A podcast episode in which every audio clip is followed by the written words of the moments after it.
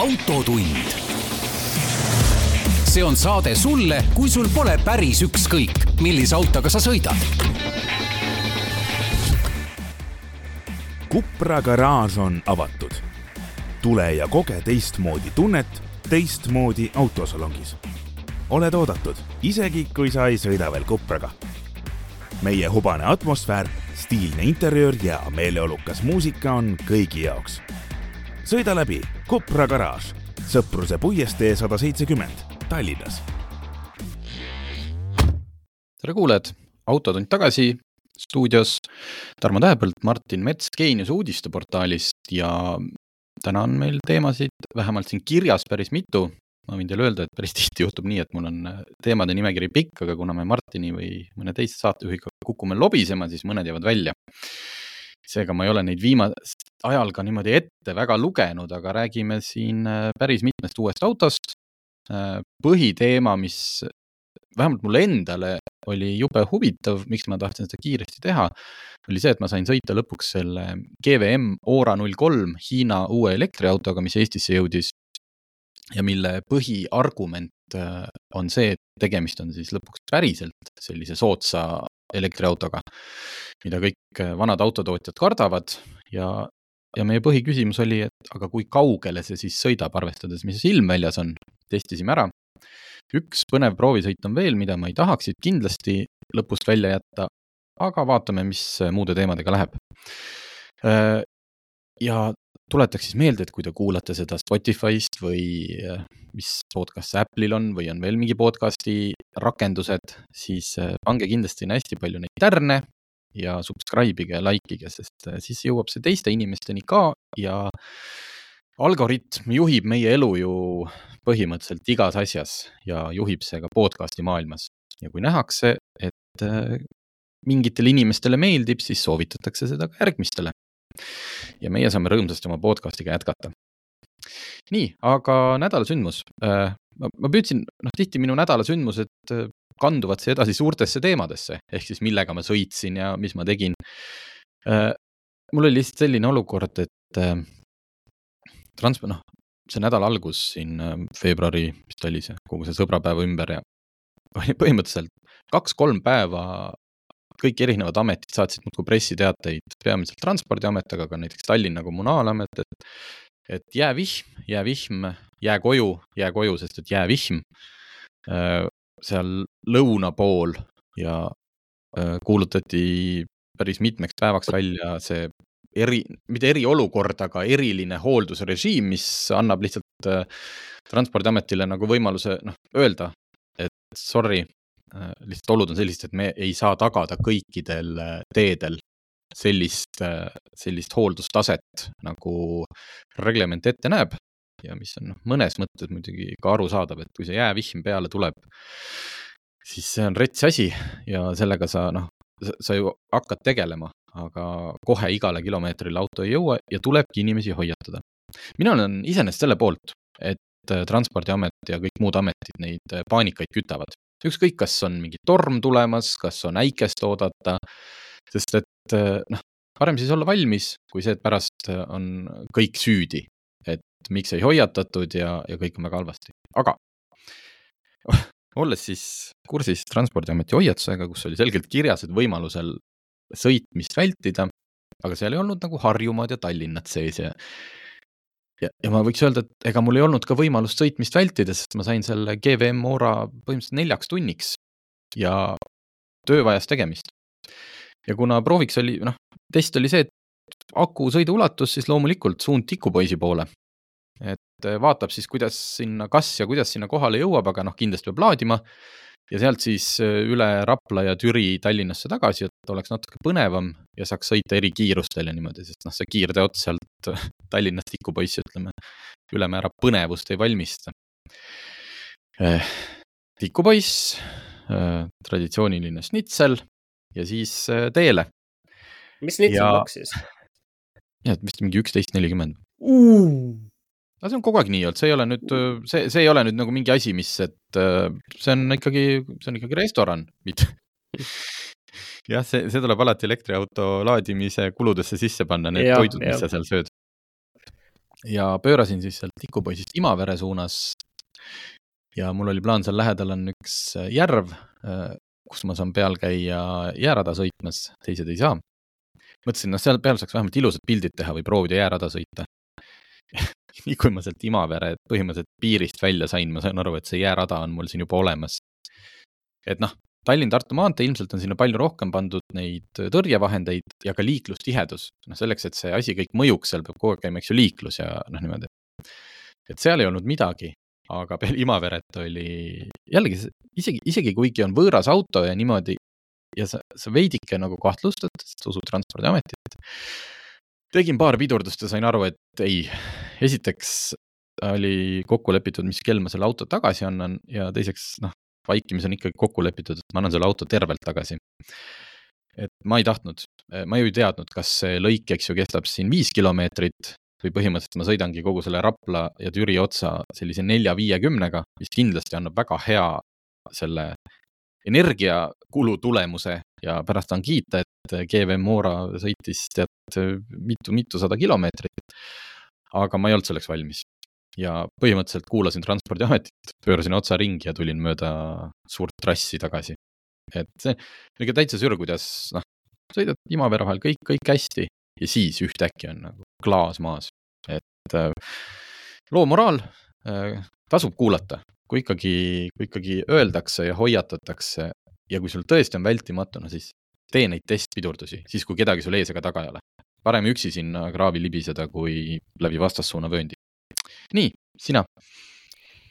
ega mul nagu endal midagi sellist ei ole, aga lihtsalt ma olen siin sellise äh, popkorni kausiga jälginud seda kõike, mis äh, toimub äh, Tallinna ja Koit Toome ja värskete kiiruspiirangute ümber, mis siis Tallinnas tehti lihtsalt tuletan siis meelde, et nüüd siis Liivalaia tänav ja mis edasi läheb, see Pronksi jõe, et seal on nüüd vist nelikümmend kilomeetrit tunnis on ju, ma ise ei ole seal sõitnud, on ju jah? see on juba vist kuu aega nüüd niiviisi. ja, ja. ja siis Kaarli puiesteel seal linnavalitsuse ees ja seal on siis nüüd kolmekümne ala eh,. vot, vaat siin ajab erinevaid inimesi ajab see asi nagu väga närvi, sina oled meil siin olnud selles paadis, et kõik on okei okay,. et mm -hmm. ega, ega seal linnas ei olegi vaja kiirustada.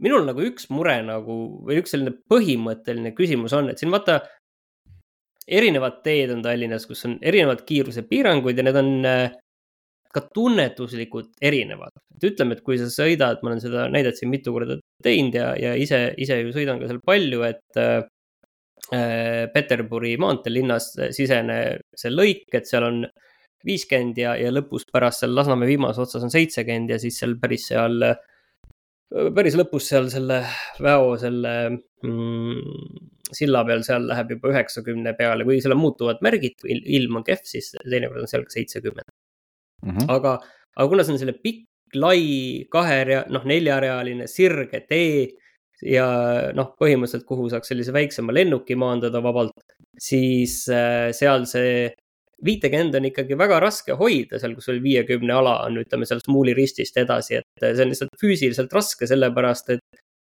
kui on selline sirge tee, siis sa lihtsalt paratamatult tunnetad seda kiirust äh, erinevalt. Ja okei okay,, seal on tihtipeale mõõdetakse kiirust äh,, on politsei, on äh, kiiruskaamera mobiilne teinekord, et et eks muidugi siis proovid niiviisi jõuga alla sundida, et, et, et ei läheks nagu, nagu lippama ja siis on teistsugused kohad, on ju, on see värske Reidi tee, mis on selline kumer, millel on ääres on äh, haljastus, kus on samamoodi viiekümne ala, aga kus ei, ei teki seda tunnet, et siin peaks nüüd äh, vabalt kuuekümne, seitsmekümnega tegelikult sõitma.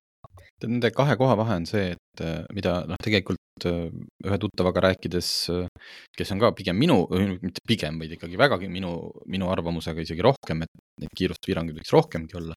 vot Reidi teel on nii palju foore, me oleme uurinud ja, ja pole ka selget vastust andnud, et minu arust see roheline laine absoluutselt ei tööta.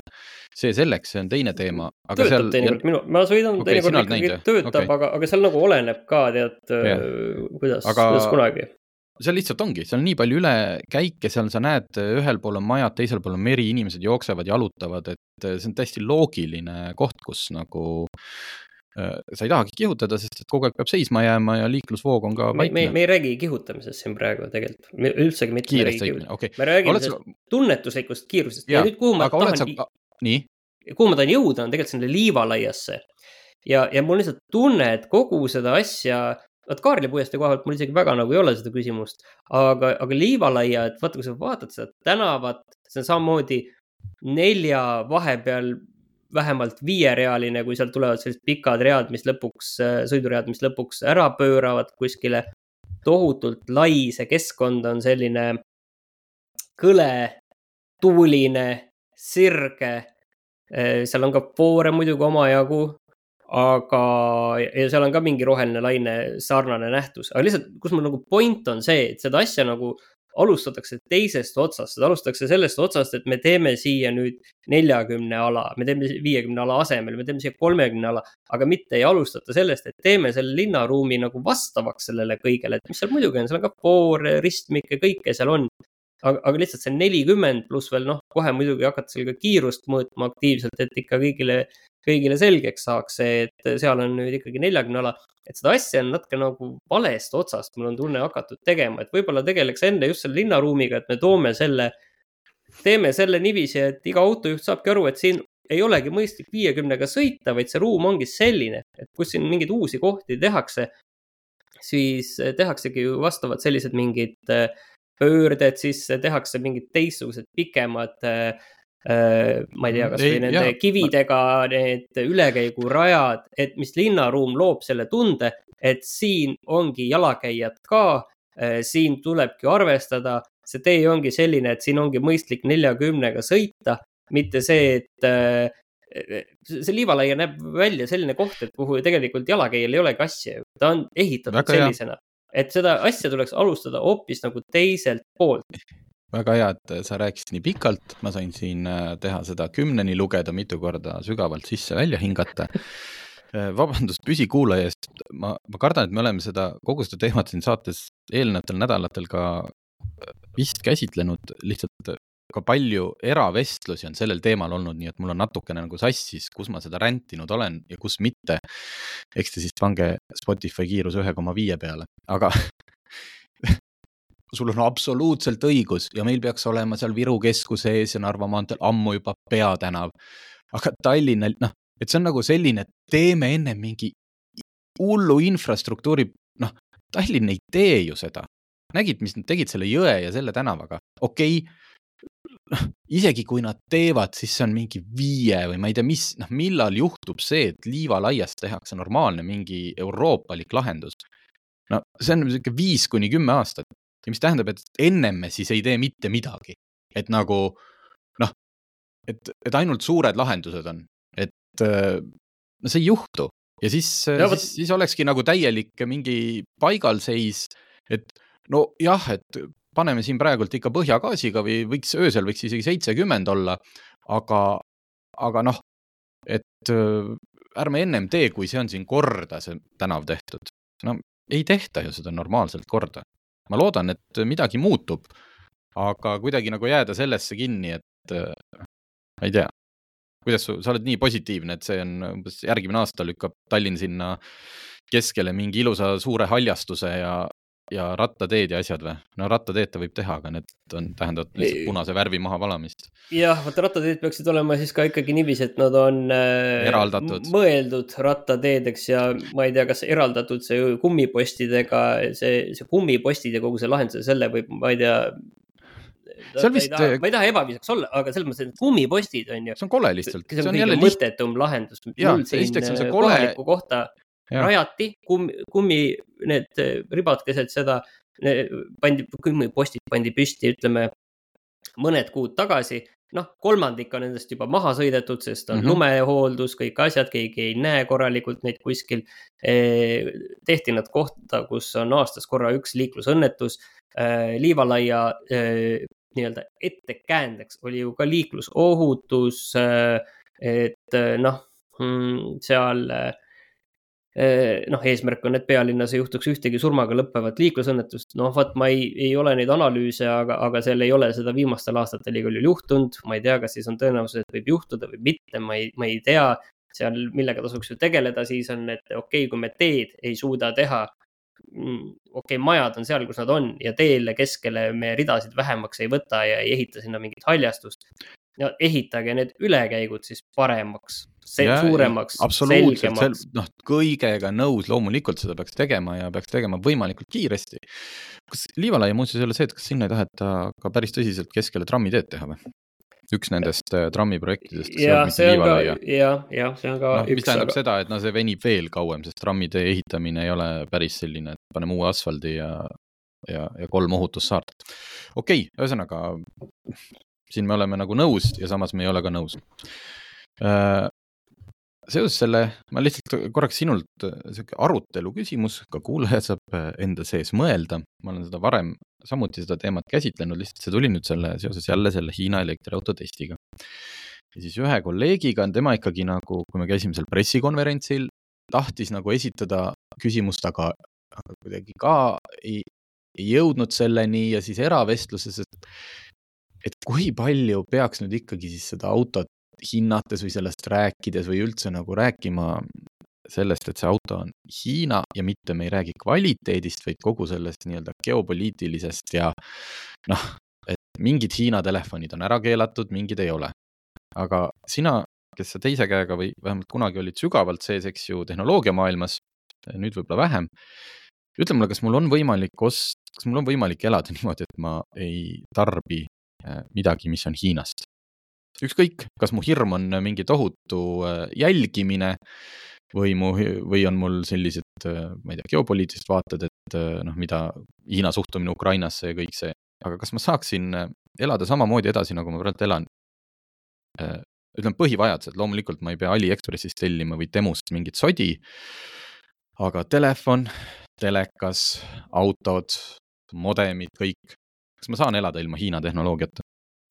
Eh, keeruline on kindlasti, aga ma arvan, et enam-vähem võimalik, et seal võib olla mingite asjade puhul need allhanke komponendid on natukene keerulisemad, et siin just mm, sisuliselt, äh, just oli robotolmuimejatega see teemaks, et äh, et noh, sisuliselt Hiinas on, vaata väga palju on neid ja müüakse igasugu erinevaid asju, on ju, ja siin, ma ei tea, siin Eestis kaubanduskeskustestki müüakse mingeid äh, kus on selline oma silt peale pandud, aga sisuliselt eh, on Hiinas kaks tehast, kuskohast need tulevad.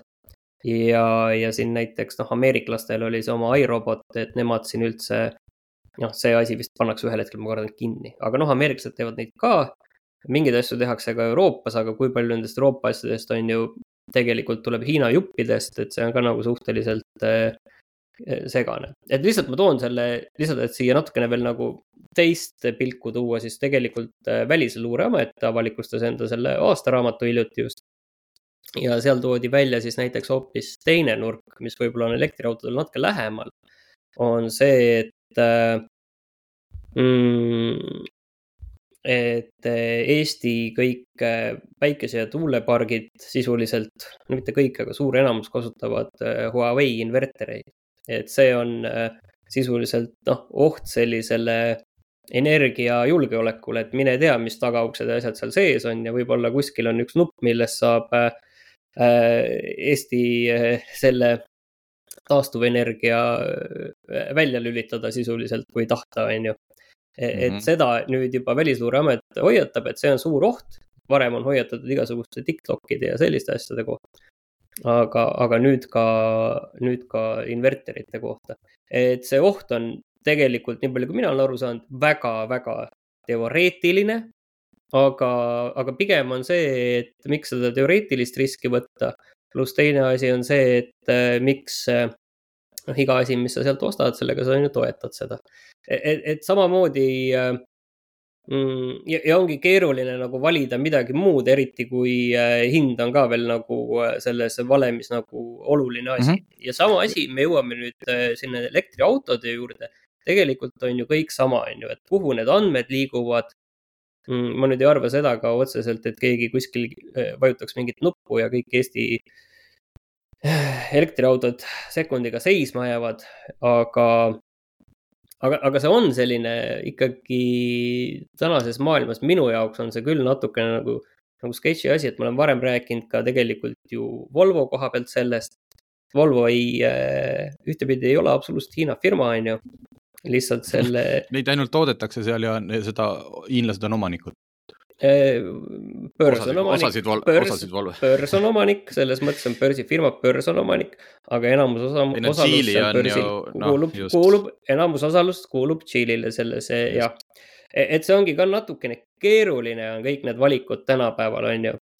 et Ma, tegelikult tegel... seda Volvot kõiki juhivad sisuliselt edasi kõik ju rootslased ja, ja, ja ma... nii-öelda lääne ma..., läänerahvas miks ma selle teema siia panin ja sellest ka autogeeniuses väikse kolumni kirjutasin, ei olegi võib-olla mitte see, et kas ma peaksin nüüd otseselt kartma ja, ja noh, mina olen niisugune küünik fatalist, et noh, kui ma tervet oma elu nagu juhiks mingite selliste hirmude ja nende põhjal jube raske oleks elada.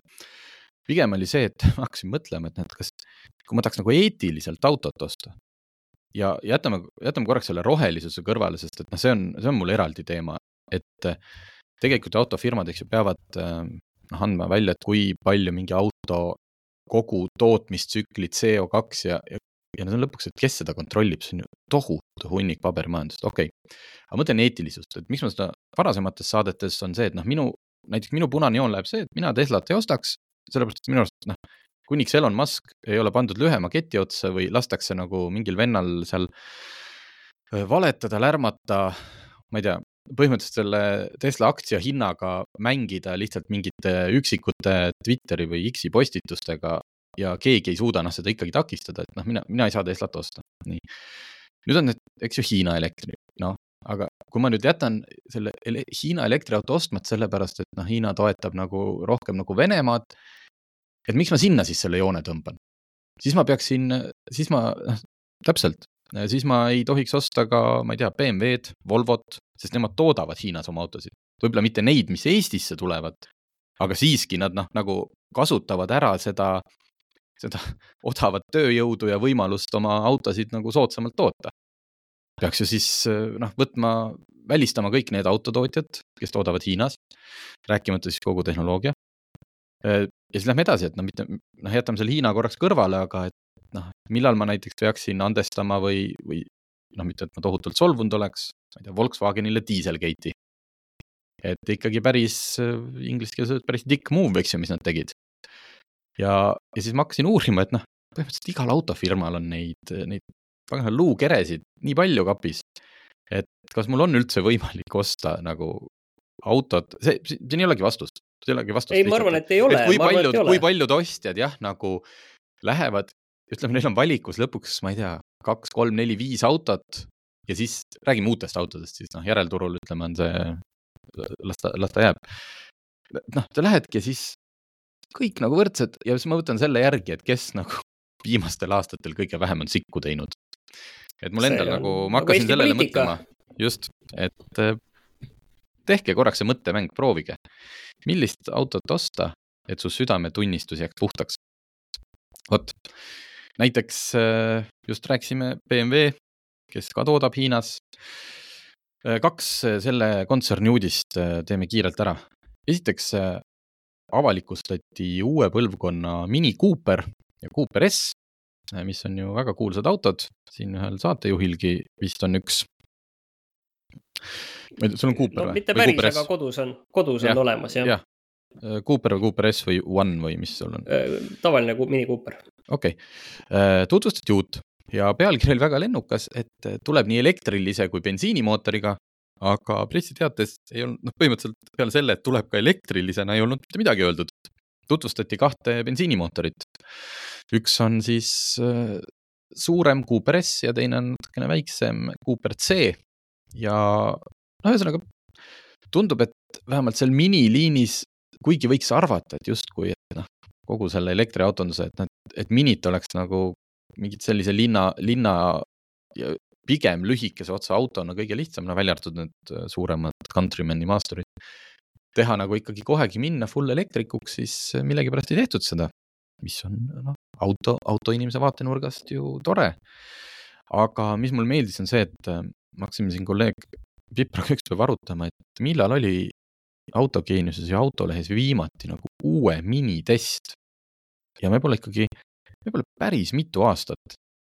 ega me noh, me ei aja ka neid, neid proovisõite noh, niimoodi nagu tikutulega taga. et me pigem nagu alguses ootame, et äkki keegi pakub, noh, et tuli uus mudel, kas tahate proovida. ja no kui on midagi väga olulist, siis me, eks me siis ikkagi võtame ennast kokku ja küsime. aga tõesti, me ei ole sõitnud väga kaua ühegi uue miniga. Ja küsisime nüüd siis, noh, Cooper S ja see on ju legendaarne auto.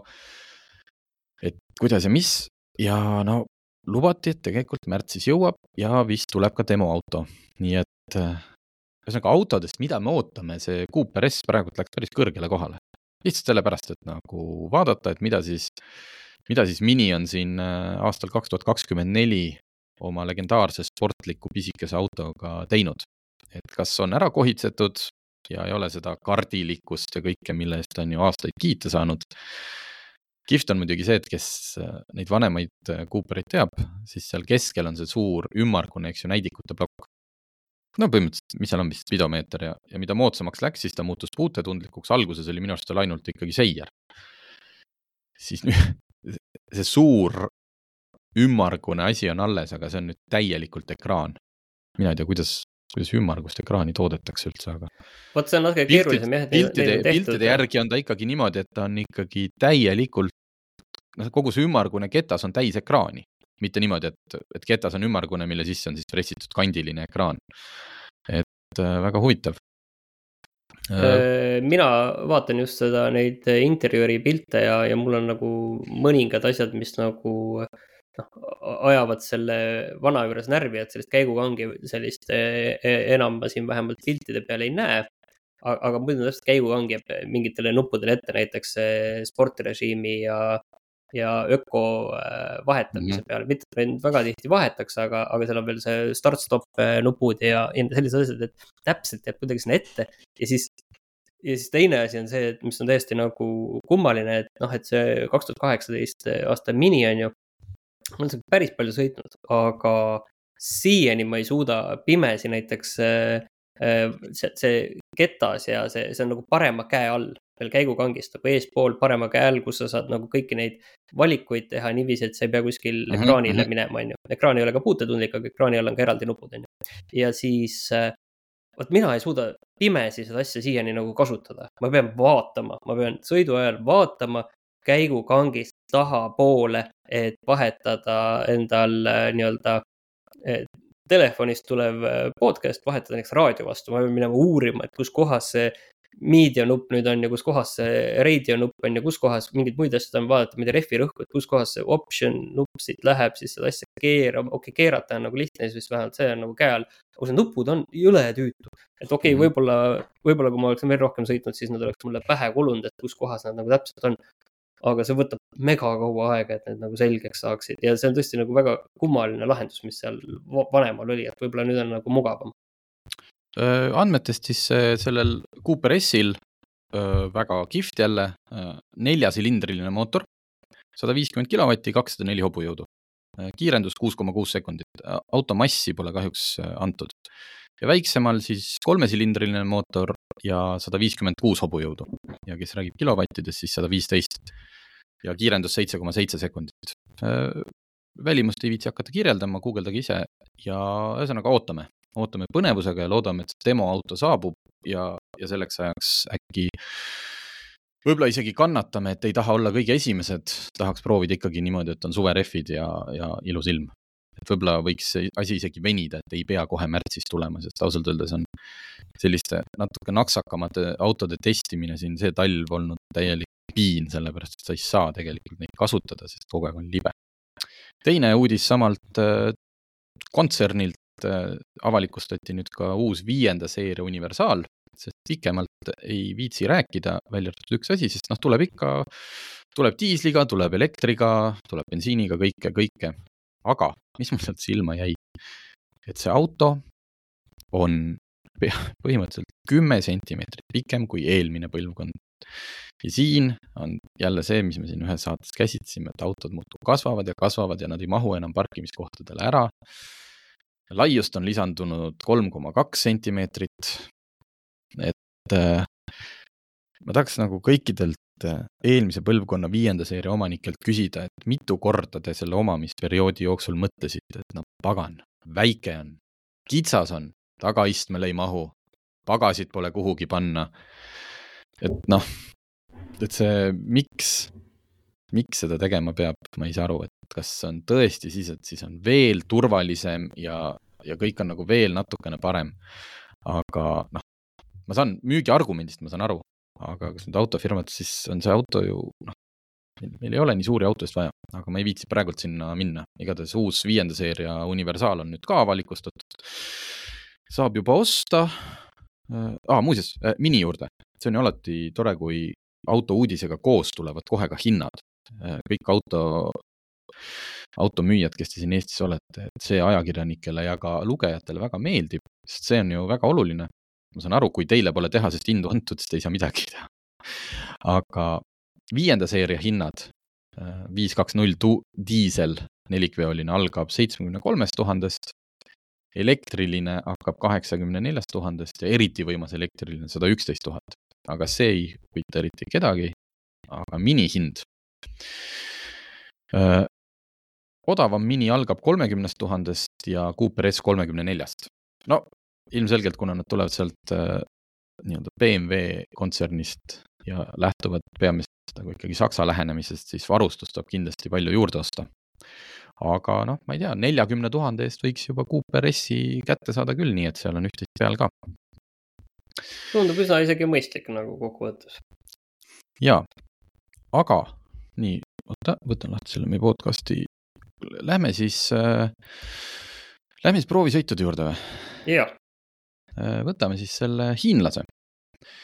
GVM ehk Great Wall Motors, mis meile on uus nimi, aga Hiinas muidugi mitte, tohutu hiigelsuur autofirma, mille alla kuulub mitmeid erinevaid brände. esimene, mis siis siia jõuab, on Ora. varsti peaks tulema samast, samast puhvetist ka Way, Way, kaks siis V E Y Äh, pistikhübriid, millest veel siin tuleb mitu versiooni ja suured luksusmaasturid ja ma ütlen, seal presentatsioonil näidati ikkagi ilma imesid, mis kõik tulema hakkab ja mitte niimoodi, et noh, kunagi, vaid siin ikkagi me räägime põhimõtteliselt lähiaasta perspektiivist. selle Ora null kolme puhul on muidugi see, et äh, selle, see on nii-öelda mudeli uuendus, et Euroopas on seda varem ka müüdud ja siis oli selle nimi Funky Cat Ora kahjuks seal teatud põhjustel nimi muudeti ära ja selle otsustati minna maailma kõige igavamat teed, nüüd on Ora null kolm. mäletame, oleme lapsena sõitnud nii null kolme, null viie kui null seitsmega. meil oli peres null üks, muidugi mitte Ora, vaid Vaz. Äh, esimesena on siis nüüd müügil ja, ja meile sõitmiseks antud äh, väiksema akuga versioon, millel on nelikümmend kaheksa kilovatt-tundi LFP aku ja Äh, lubatud sõiduulatus maksimaalne siis VLTP järgi on äh, kolmsada kümme kilomeetrit.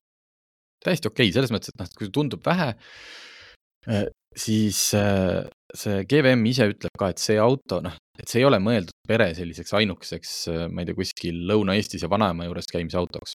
et ikkagi sihitakse seda, kellel peab olema peres kaks autot kuskil siin linna lähedal, et see võiks olla see teine. või siis, ma ei tea, kahe inimesega leibkond, kes noh, ikkagi, ma ei tea, käid sa kuskilt siis Tabasalust või, või kuskilt Kehrast, noh, ühesõnaga. et see ei ole mõeldud pikaks sõiduks.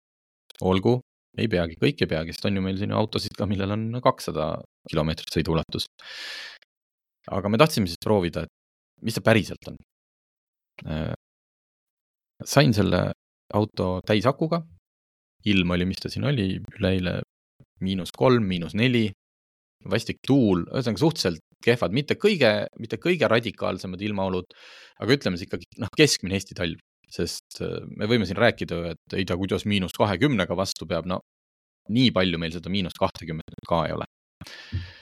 sain auto kätte ja auto lubas, et saab sõita kakssada neli kilomeetrit. täiesti, täiesti arusaadav, sest meie ja kolleegide katsed pigem näitavad, et talvel, no okei okay,, võib-olla natuke külmem ilm äh, pigem, kui sa tahad julgelt igale poole kohale jõuda, siis pigem arvesta, et, et see aku maht võib isegi ka viiskümmend protsenti olla nagu lubatust või siis maksimaalsest väiksem või see sõiduulatus. ma tean, elektriauto fännid katkuvad juukseid, aga mis teha, selline on meie kogemus. olgu, et kolmkümmend protsenti väiksem. ja, ja siinkohal, mida ma alati rõhutan, ongi see, et, et mis mingit vahet ei ole, et kui palju see tegelikult on, oluline on see, et kas see, mis ta mulle lubab, kas ma selle vähemalt saan ära sõita. ehk et kui ta näitab mulle kakssada neli ja ma hakkan sinna tikupoissi sõitma, ma panin äh, Mapsist sisse, sest ta oli see auto esindus, ei ole ju linna piiril. et äh, mul oli vaja sõita sada kolmteist kilomeetrit. noh, võiks ju nagu tikupoissi ära jõuda küll. aga mul on kogemus ühe Hiina autoga, kus lubatud kakssada kolmkümmend kilomeetrit tähendas seda, et äh, mingi eriti jäleda sügisilma, noh, ma, ma ei saanud isegi sada viite sõita, ma pidin ennem auto sõbra juurde laadima viima.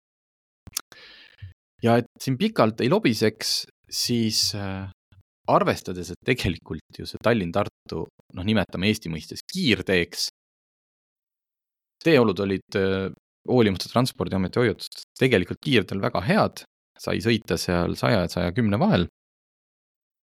Salong oli täiesti soe, ma, ma ei ökotanud nagu ühestki otsast, et ma, ma ei hakanud tegema seda, et ma proovin, et kui vähe on võimalik kulutada.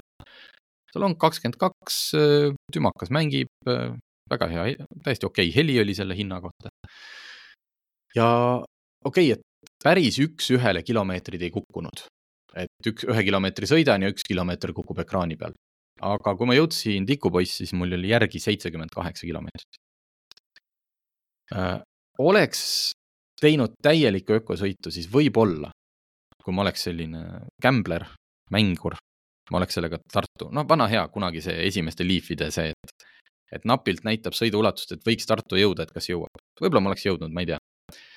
aga selles ma tahtsin seda, seda öelda sinna, et see vaata mängur on ju siis tegelikult paljudel ju tegelikult see ökorežiim ongi mingiks mänguks ümber ehitatud, et seesama tegelikult isegi see mini, mis meil siin kodus on, et isegi, isegi sellel on ökorežiimis mhm. selline mm -hmm. sisuliselt see mäng, et vaata, kas sa saad sinna niiviisi, et on ju, et see ei oleks lihtsalt, et sul oleks nagu mingi eesmärk, et.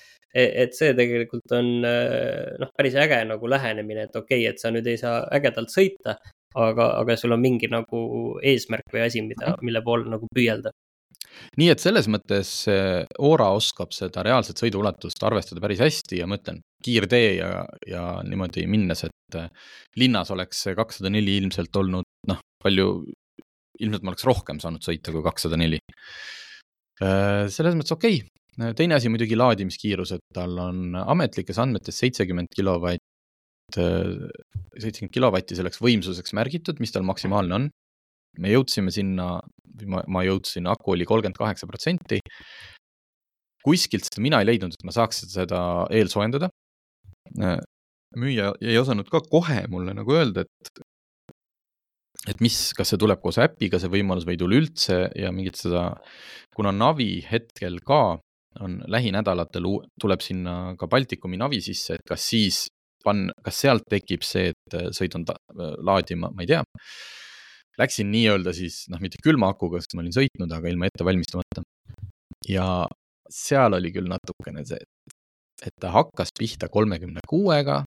mina seal siis sõin oma snitslit, telefoni äpp oli, eks ju, laua peal lahti ja vaatad kuskilt kuue-seitsmekümne protsendi juures ta hakkas ikkagi noh, sealt edasi oli juba mingi kolmteist kilovatt-tundi see kiirus ja see oli, noh, see on liiga vähe, et ma tean, et ükski auto ükski auto ei võta kunagi, peaaegu kunagi vastu seda maksimumi ja, ja kõik see.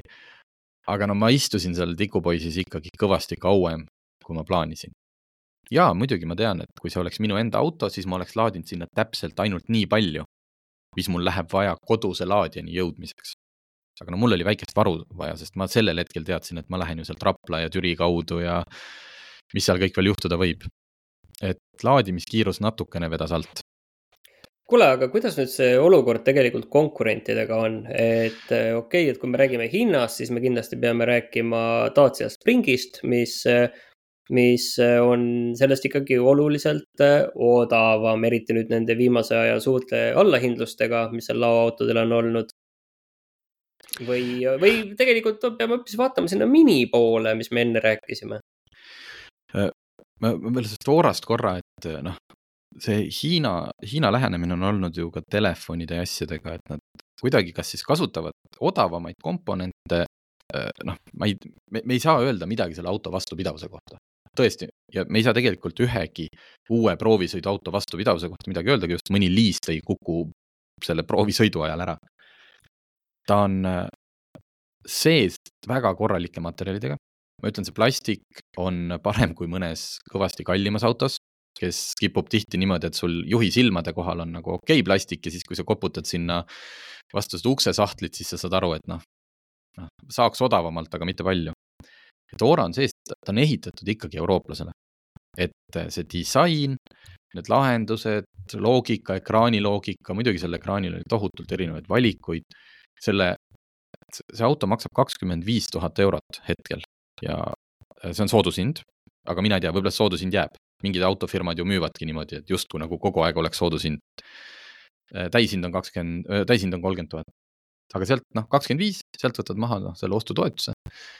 selle eest oli hullult palju varustust. seal oli adaptiivne püsikiirushoidja, seal oli kolmsada kuuskümmend kraadi kaamera, mis on väga hea pildiga.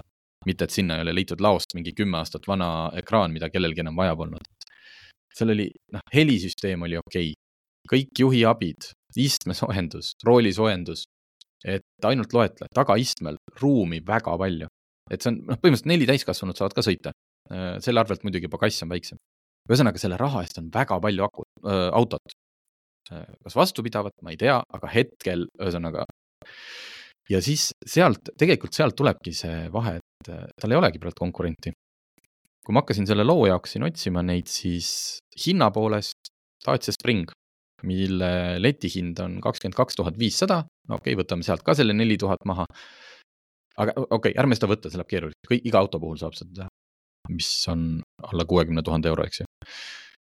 Äh, kakskümmend kaks pool tuhat versus kakskümmend viis tuhat ja need täiesti erinevad autod. esiteks Dacia üldse nagu ideaalne sõiduulatus on kakssada kolmkümmend, mitte kolmsada kümme. teiseks on see Dacia Spring ikkagi suhteliselt elementaarauto, millega mina olen nõus sõitma ainult linnas, ta on väiksem, ta on kitsam, ta on lihtsam, kogu sellest varustusest, mis Oras on, noh, ei ole juttu ka kuigi neid Daciaid saab ka hetkel, lao, laoauto, autode hind on kuueteist koma viie peale langetatud. et ilmselgelt ei olnud neid väga palju ja, ja on tulemas äh, mitmel Euroopa autotootjal on, on rääkinud, et nad nüüd kohe varsti tuleb neil ka see kõige soodsam elektriauto. noh, näiteks Volkswagen Uppi ju ammu juba ei müüda ja seda Škoda City, City kood vist oli või. et vahepeal tekkis nagu paus sisse ja järgmine, mis peaks jõudma minu teada on Citroen C3 elektrik. et on olemas küll Peugeot kakssada kaheksa, mis äh, maksab alates kolmekümne neljast tuhandest, aga see läheb juba võistlema selle Ora suurema akuga versiooniga, mille hind on ka siis juba üle kolmekümne tuhande. aga see, et kui sul on vaja nagu lühemateks sõitudeks siukest elektriautot, siis hetkel, kui sa just kasutatuna ei osta mõnda Leafi, või muud kasutatud elektriautot, siis, siis ei ole ja garantii autol viis aastat äh, läbisõidupiiranguta ja akul muidugi kauem. et äh, ma ütlen, siin oligi selle, et noh, see jättiski päriselt hea mulje. muidugi noh, sõiduomaduste rool oli kuidagi veider, ma ei saanudki sellega lõpuks sõbraks, et seal saab rooli tundlikkust kolmes eri asendis sättida. aga ta oli kuidagi ikkagi nagu tuim ja samas närviline, ma ei, ma püüdsin endale seda ära sõnastada, mis mind selle rooli juures häili, häirib ja ma ei osanudki.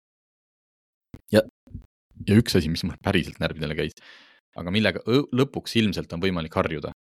Äh, suunatule see, äh, suunatule kangi tundlikkus oli selline, et sa ei saanud kunagi aru, et kas sa tegid nüüd selle kolme suunatule, selle klõpsu või sa panid ta sisse ja kui sa tegid kogemata selle kolme suunatule selle, sa ei saa seda tühistada, sest nii kui sa teed kangiga liigutust teisele poole, siis ta paneb teisele poole kolm korda. et ma ikkagi, noh, ma ikkagi vandusin seal autos nagu meremees ja ilmselt kõik minu ees ja taga liik-, või noh, tagaliikujad vaatasid ka, et et, et, et ei tea, kas sellel juhil on kõik nagu korras, sest et noh, küll tahab ta ühele poole minna, küll tahab ta teisele poole minna. ma ei tahtnud tegelikult kuhugi minna, ma tahtsin lihtsalt seda suunatule plõksumist vait saada. eks see on klassikaline juhtum, eriti kui mingi auto on, millega pole varem sõitnud, on ju, et siis kuskil mingi natuke oma mingi loogika. aga tead, enne nüüd, kui me lähme selle Mazda juurde, ma tahtsin natuke rändida ühel teemal, mille peale ma ükskord sattusin ja mille, mida sa just mm, ka mainisid, on see, et see elektriauto toetus. Et siin hästi palju räägitakse sellest, et, et jah, muidugi saadki noh, viis tuhat, noh miinus käibeks ka veel, et kokkuvõttes saad siis natuke alla nelja tuhande nüüd, kusjuures mitte neli tuhat, vaid natuke alla nelja tuhande nüüd seoses käibemaksu tõusuga saad selle odavamalt. mina tahtsin rääkida sellest, et iga inimene, kes tahab endale seda elektriauto toetust, mina soovitaksin ikkagi lugeda neid elektriauto toetuse tingimusi ja toetuse saaja kohustusi Keskkonnainvesteeringu Keskuse leheküljel. ausalt öeldes see on, ma ütleks isegi, et need on isegi suhteliselt jaburad, aga seal on päris mitu nagu olulist asja eh, tegelikult, mis võib-olla võib inimestel jääda kahe silma vahele. et eh, üks eh, noh, okei okay,, toetusega seda ostetud autot tuleb peamiselt kasutada, on ju, Eestis, on ju. aga siis tuleb edasi, et eh, sõidukites tuleb kasutada ainult taastuvenergiat.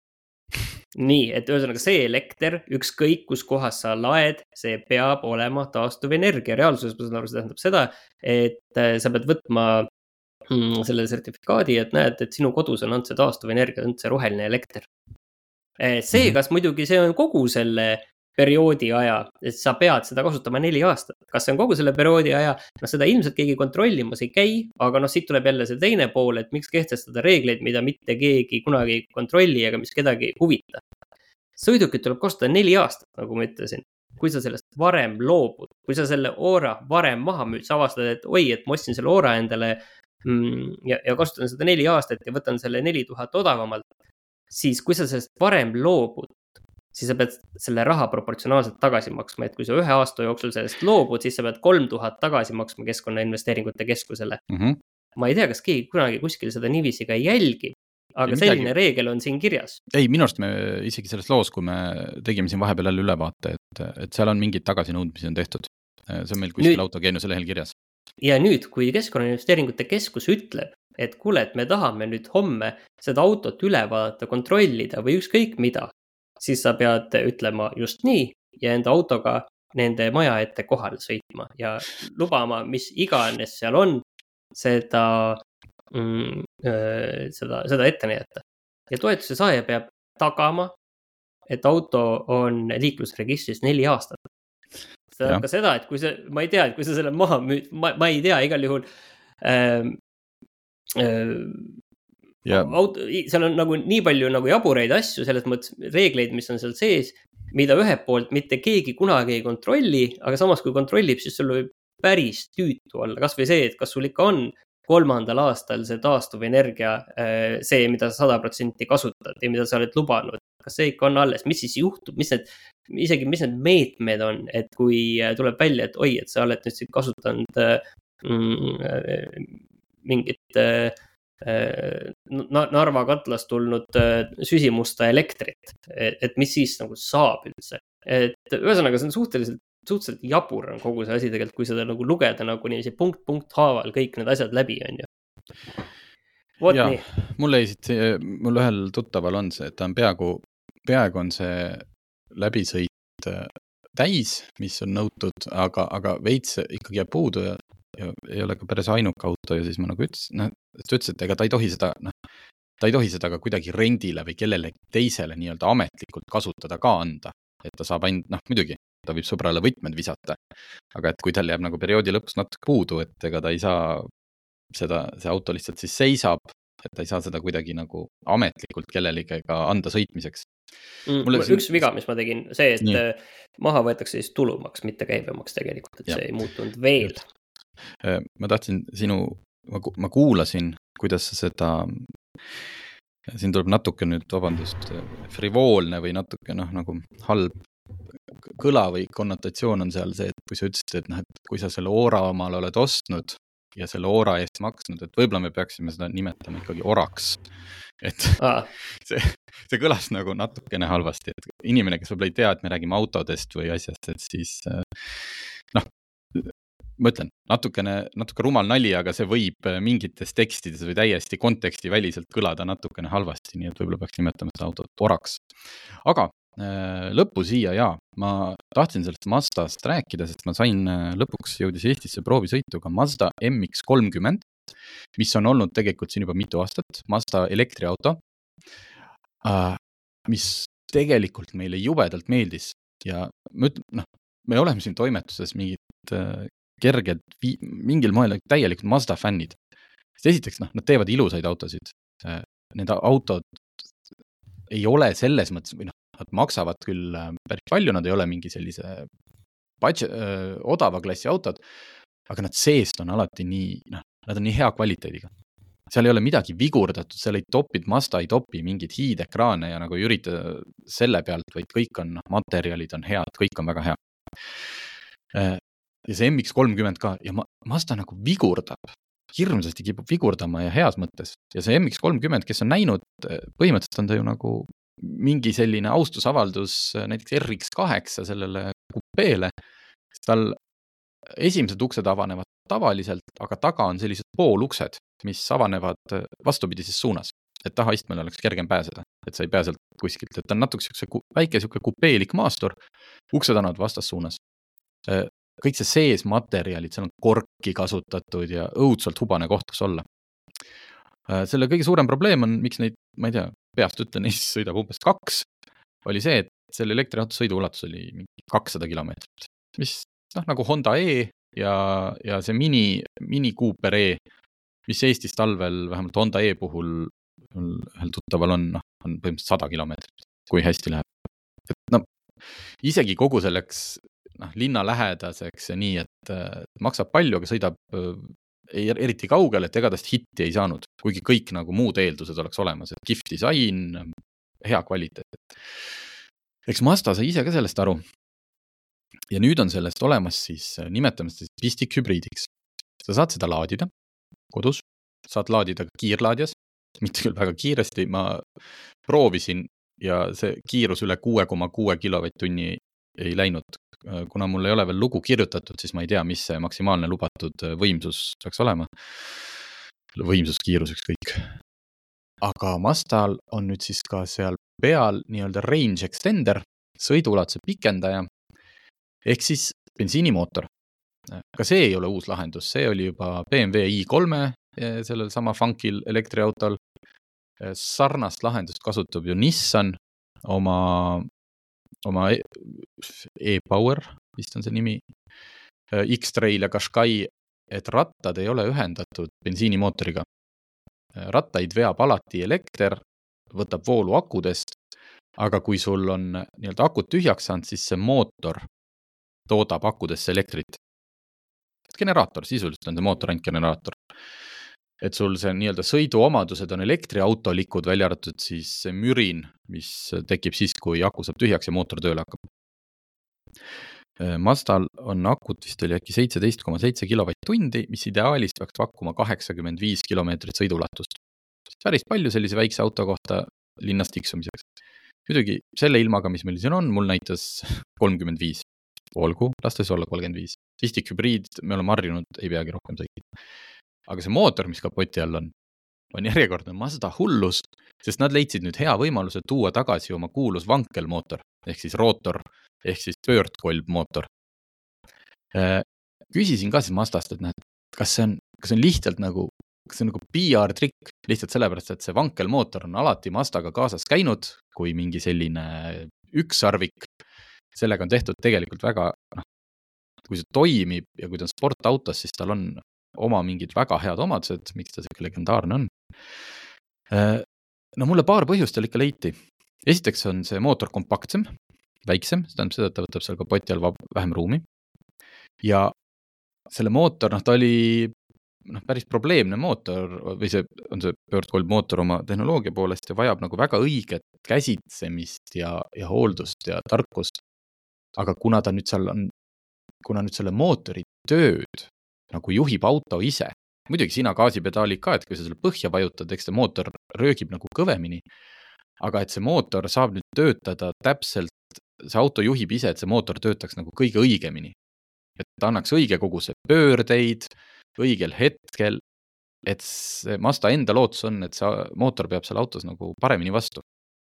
sest et, et asi ei ole nagu enam kasutajas.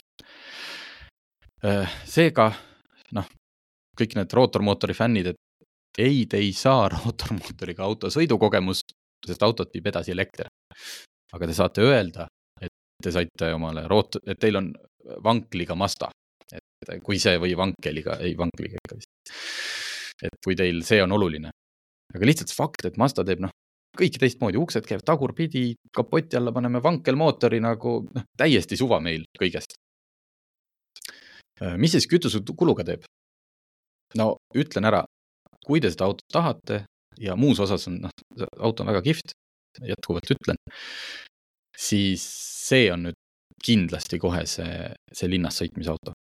mille ainuke, mille põhieelis on see, et kui sul siis tekib see soov sinna Setumaale kukeseini korjama minna, siis sa saad minna, noh, sa ei pea laadima Tikupoisis ja siis Tartus ja siis Värska kultuurikeskuse küljes kõik isiklikud kogemused, vaid sa sõidad selle vankelmootori peal, aga ma, vabandust, Mazda, ma kasutasin selles mõttes seda autot valesti, et ma tegelikult linnas eriti ei sõitnud. ma tegin ikkagi Tartu otsa, sest mul oli vaja. linnas, kui ma sõitsin, noh, nii palju, kui seda akut jätkus, ühe korra laadisin öösel ka kodus täis, siis näitas mulle keskmiseks kuluks tõepoolest selline kaks koma kuus ja kolm koma kaks. noh, ilmselt kui ainult elektriga sõidaks, siis, siis oleks see lugu veel parem. Aga noh, ma linnas päriselt nägin selliseid numbreid aga nii, noh, kui ma olin Tartusse jõudnud, siis oli see number kerkinud üheksa koma üheksa peale. ehk et kui te olete see inimene, kellel ikkagi on vaja sõita väga palju maanteel, et ähm, noh, sealt ükskõik, mis sa räägid, pistik, hübriid ja kõik, sealt ei tule seda kul-, noh, see bensu kokkuhoidu ei tule. ta on kihvt auto ikka, sõidab hästi, kõik on mõnus, aga ärge seda oodake. linnas kindlasti, et äh, järjekordne niisugune vahesamm, et kes ei julge veel kohe elektriauto peale üle minna. et aga, aga siia lõppu ma, mis mulle meeldib, see, mis sa rääkisid, see mini, et sa pead selle rattakese pealt juhtima ja sa pead vaatama. et Mazda tegelikult, kuigi ka ekraan on nüüd puutetundlik, Mazda kasutab jätkuvalt sama rattakese lahendust. ja, ja ekraan on hästi minimalistlik ja mulle see õudselt meeldib ja seal on MX kolmekümnel oli ainukese Mazdan on eraldi, kas seal käigukangi ees on kliimaekraan ehk et sa ei pea nagu vähemalt äh, oma elukeskkonna pärast minema sinna seda rattakest kerima, saad ekraanilt juhtida, seal kõrval on ka veel füüsilised nupud, et nagu sooja äh, juurde panna. aga mina, kuna minu Alfal on äh, ka täpselt samasugune ja mul pole isegi puutetundlikku ekraani, sest ma olen nii ära harjunud selle ratta keeramisega. ja, ja ma võin sulle öelda, okei okay,, sul on vist mingid funktsioonid, et tegelikult tuleb seda jube harva kasutada. jaa, ei seda. ega mina ka, ma, ma võin sulle kinnitada, mina ei oska ka alfat, mul see, et kui ma nüüd teeks katse, et ma nüüd ei vaata teel, noh, muidugi ma mõtlen välja, kus seal on seal täpselt seesama, kus on menüünupp, kus on back nupp. aga, aga mulle meeldib see ja mulle meeldib sellepärast, et mu auto ekraanil ei ole mitte ühtegi sõrmejälge see on, see on nagu, see on nagu täiesti õudne, kui kõikide nende testiautodega sa et noh, tegelikult peaks sõitma nagu otseesindusest otse fotograafi juurde või tegema need pildid sealsamas esinduses ära, sest esiteks A, selles liikluses läheb see auto kohe väga mustaks ja B, noh, selleks ajaks, kui ma jõuan fotograafi juurde, on juba ekraan sõrmejälgi täis. issand, kas ma ei või seda kannatada. peaks hakkama omal mingit valget sõidukindad ostma, mis siis ka on puutetundlikud, et või noh, nagu ei, ütleme, et mina ütleks ikkagi seda, et ikkagi autopildid peaksid äh, olema ikkagi realistlikud, et kui seal on ikkagi rõvedad sõrmejäljed peal, siis äh, neid peaks ka fotograaf edasi andma ikkagi. jah, just, täpselt, realism, ei ole mõtet ja, ja pildistamegi edaspidi ainult mudaseid autosid. täpselt. vot, äh, saade sai pikk, aga minu arust sisukas. näed, suutsime alla tunni seekord jääda. aga tore, et kuulasite ja järgmine nädal jälle Kupra garaaž on avatud. tule ja koge teistmoodi tunnet teistmoodi autosalongis. oled oodatud, isegi kui sa ei sõida veel Kupraga. meie hubane atmosfäär, stiilne interjöör ja meeleolukas muusika on kõigi jaoks. sõida läbi Kupra garaaž, Sõpruse puiestee sada seitsekümmend, Tallinnas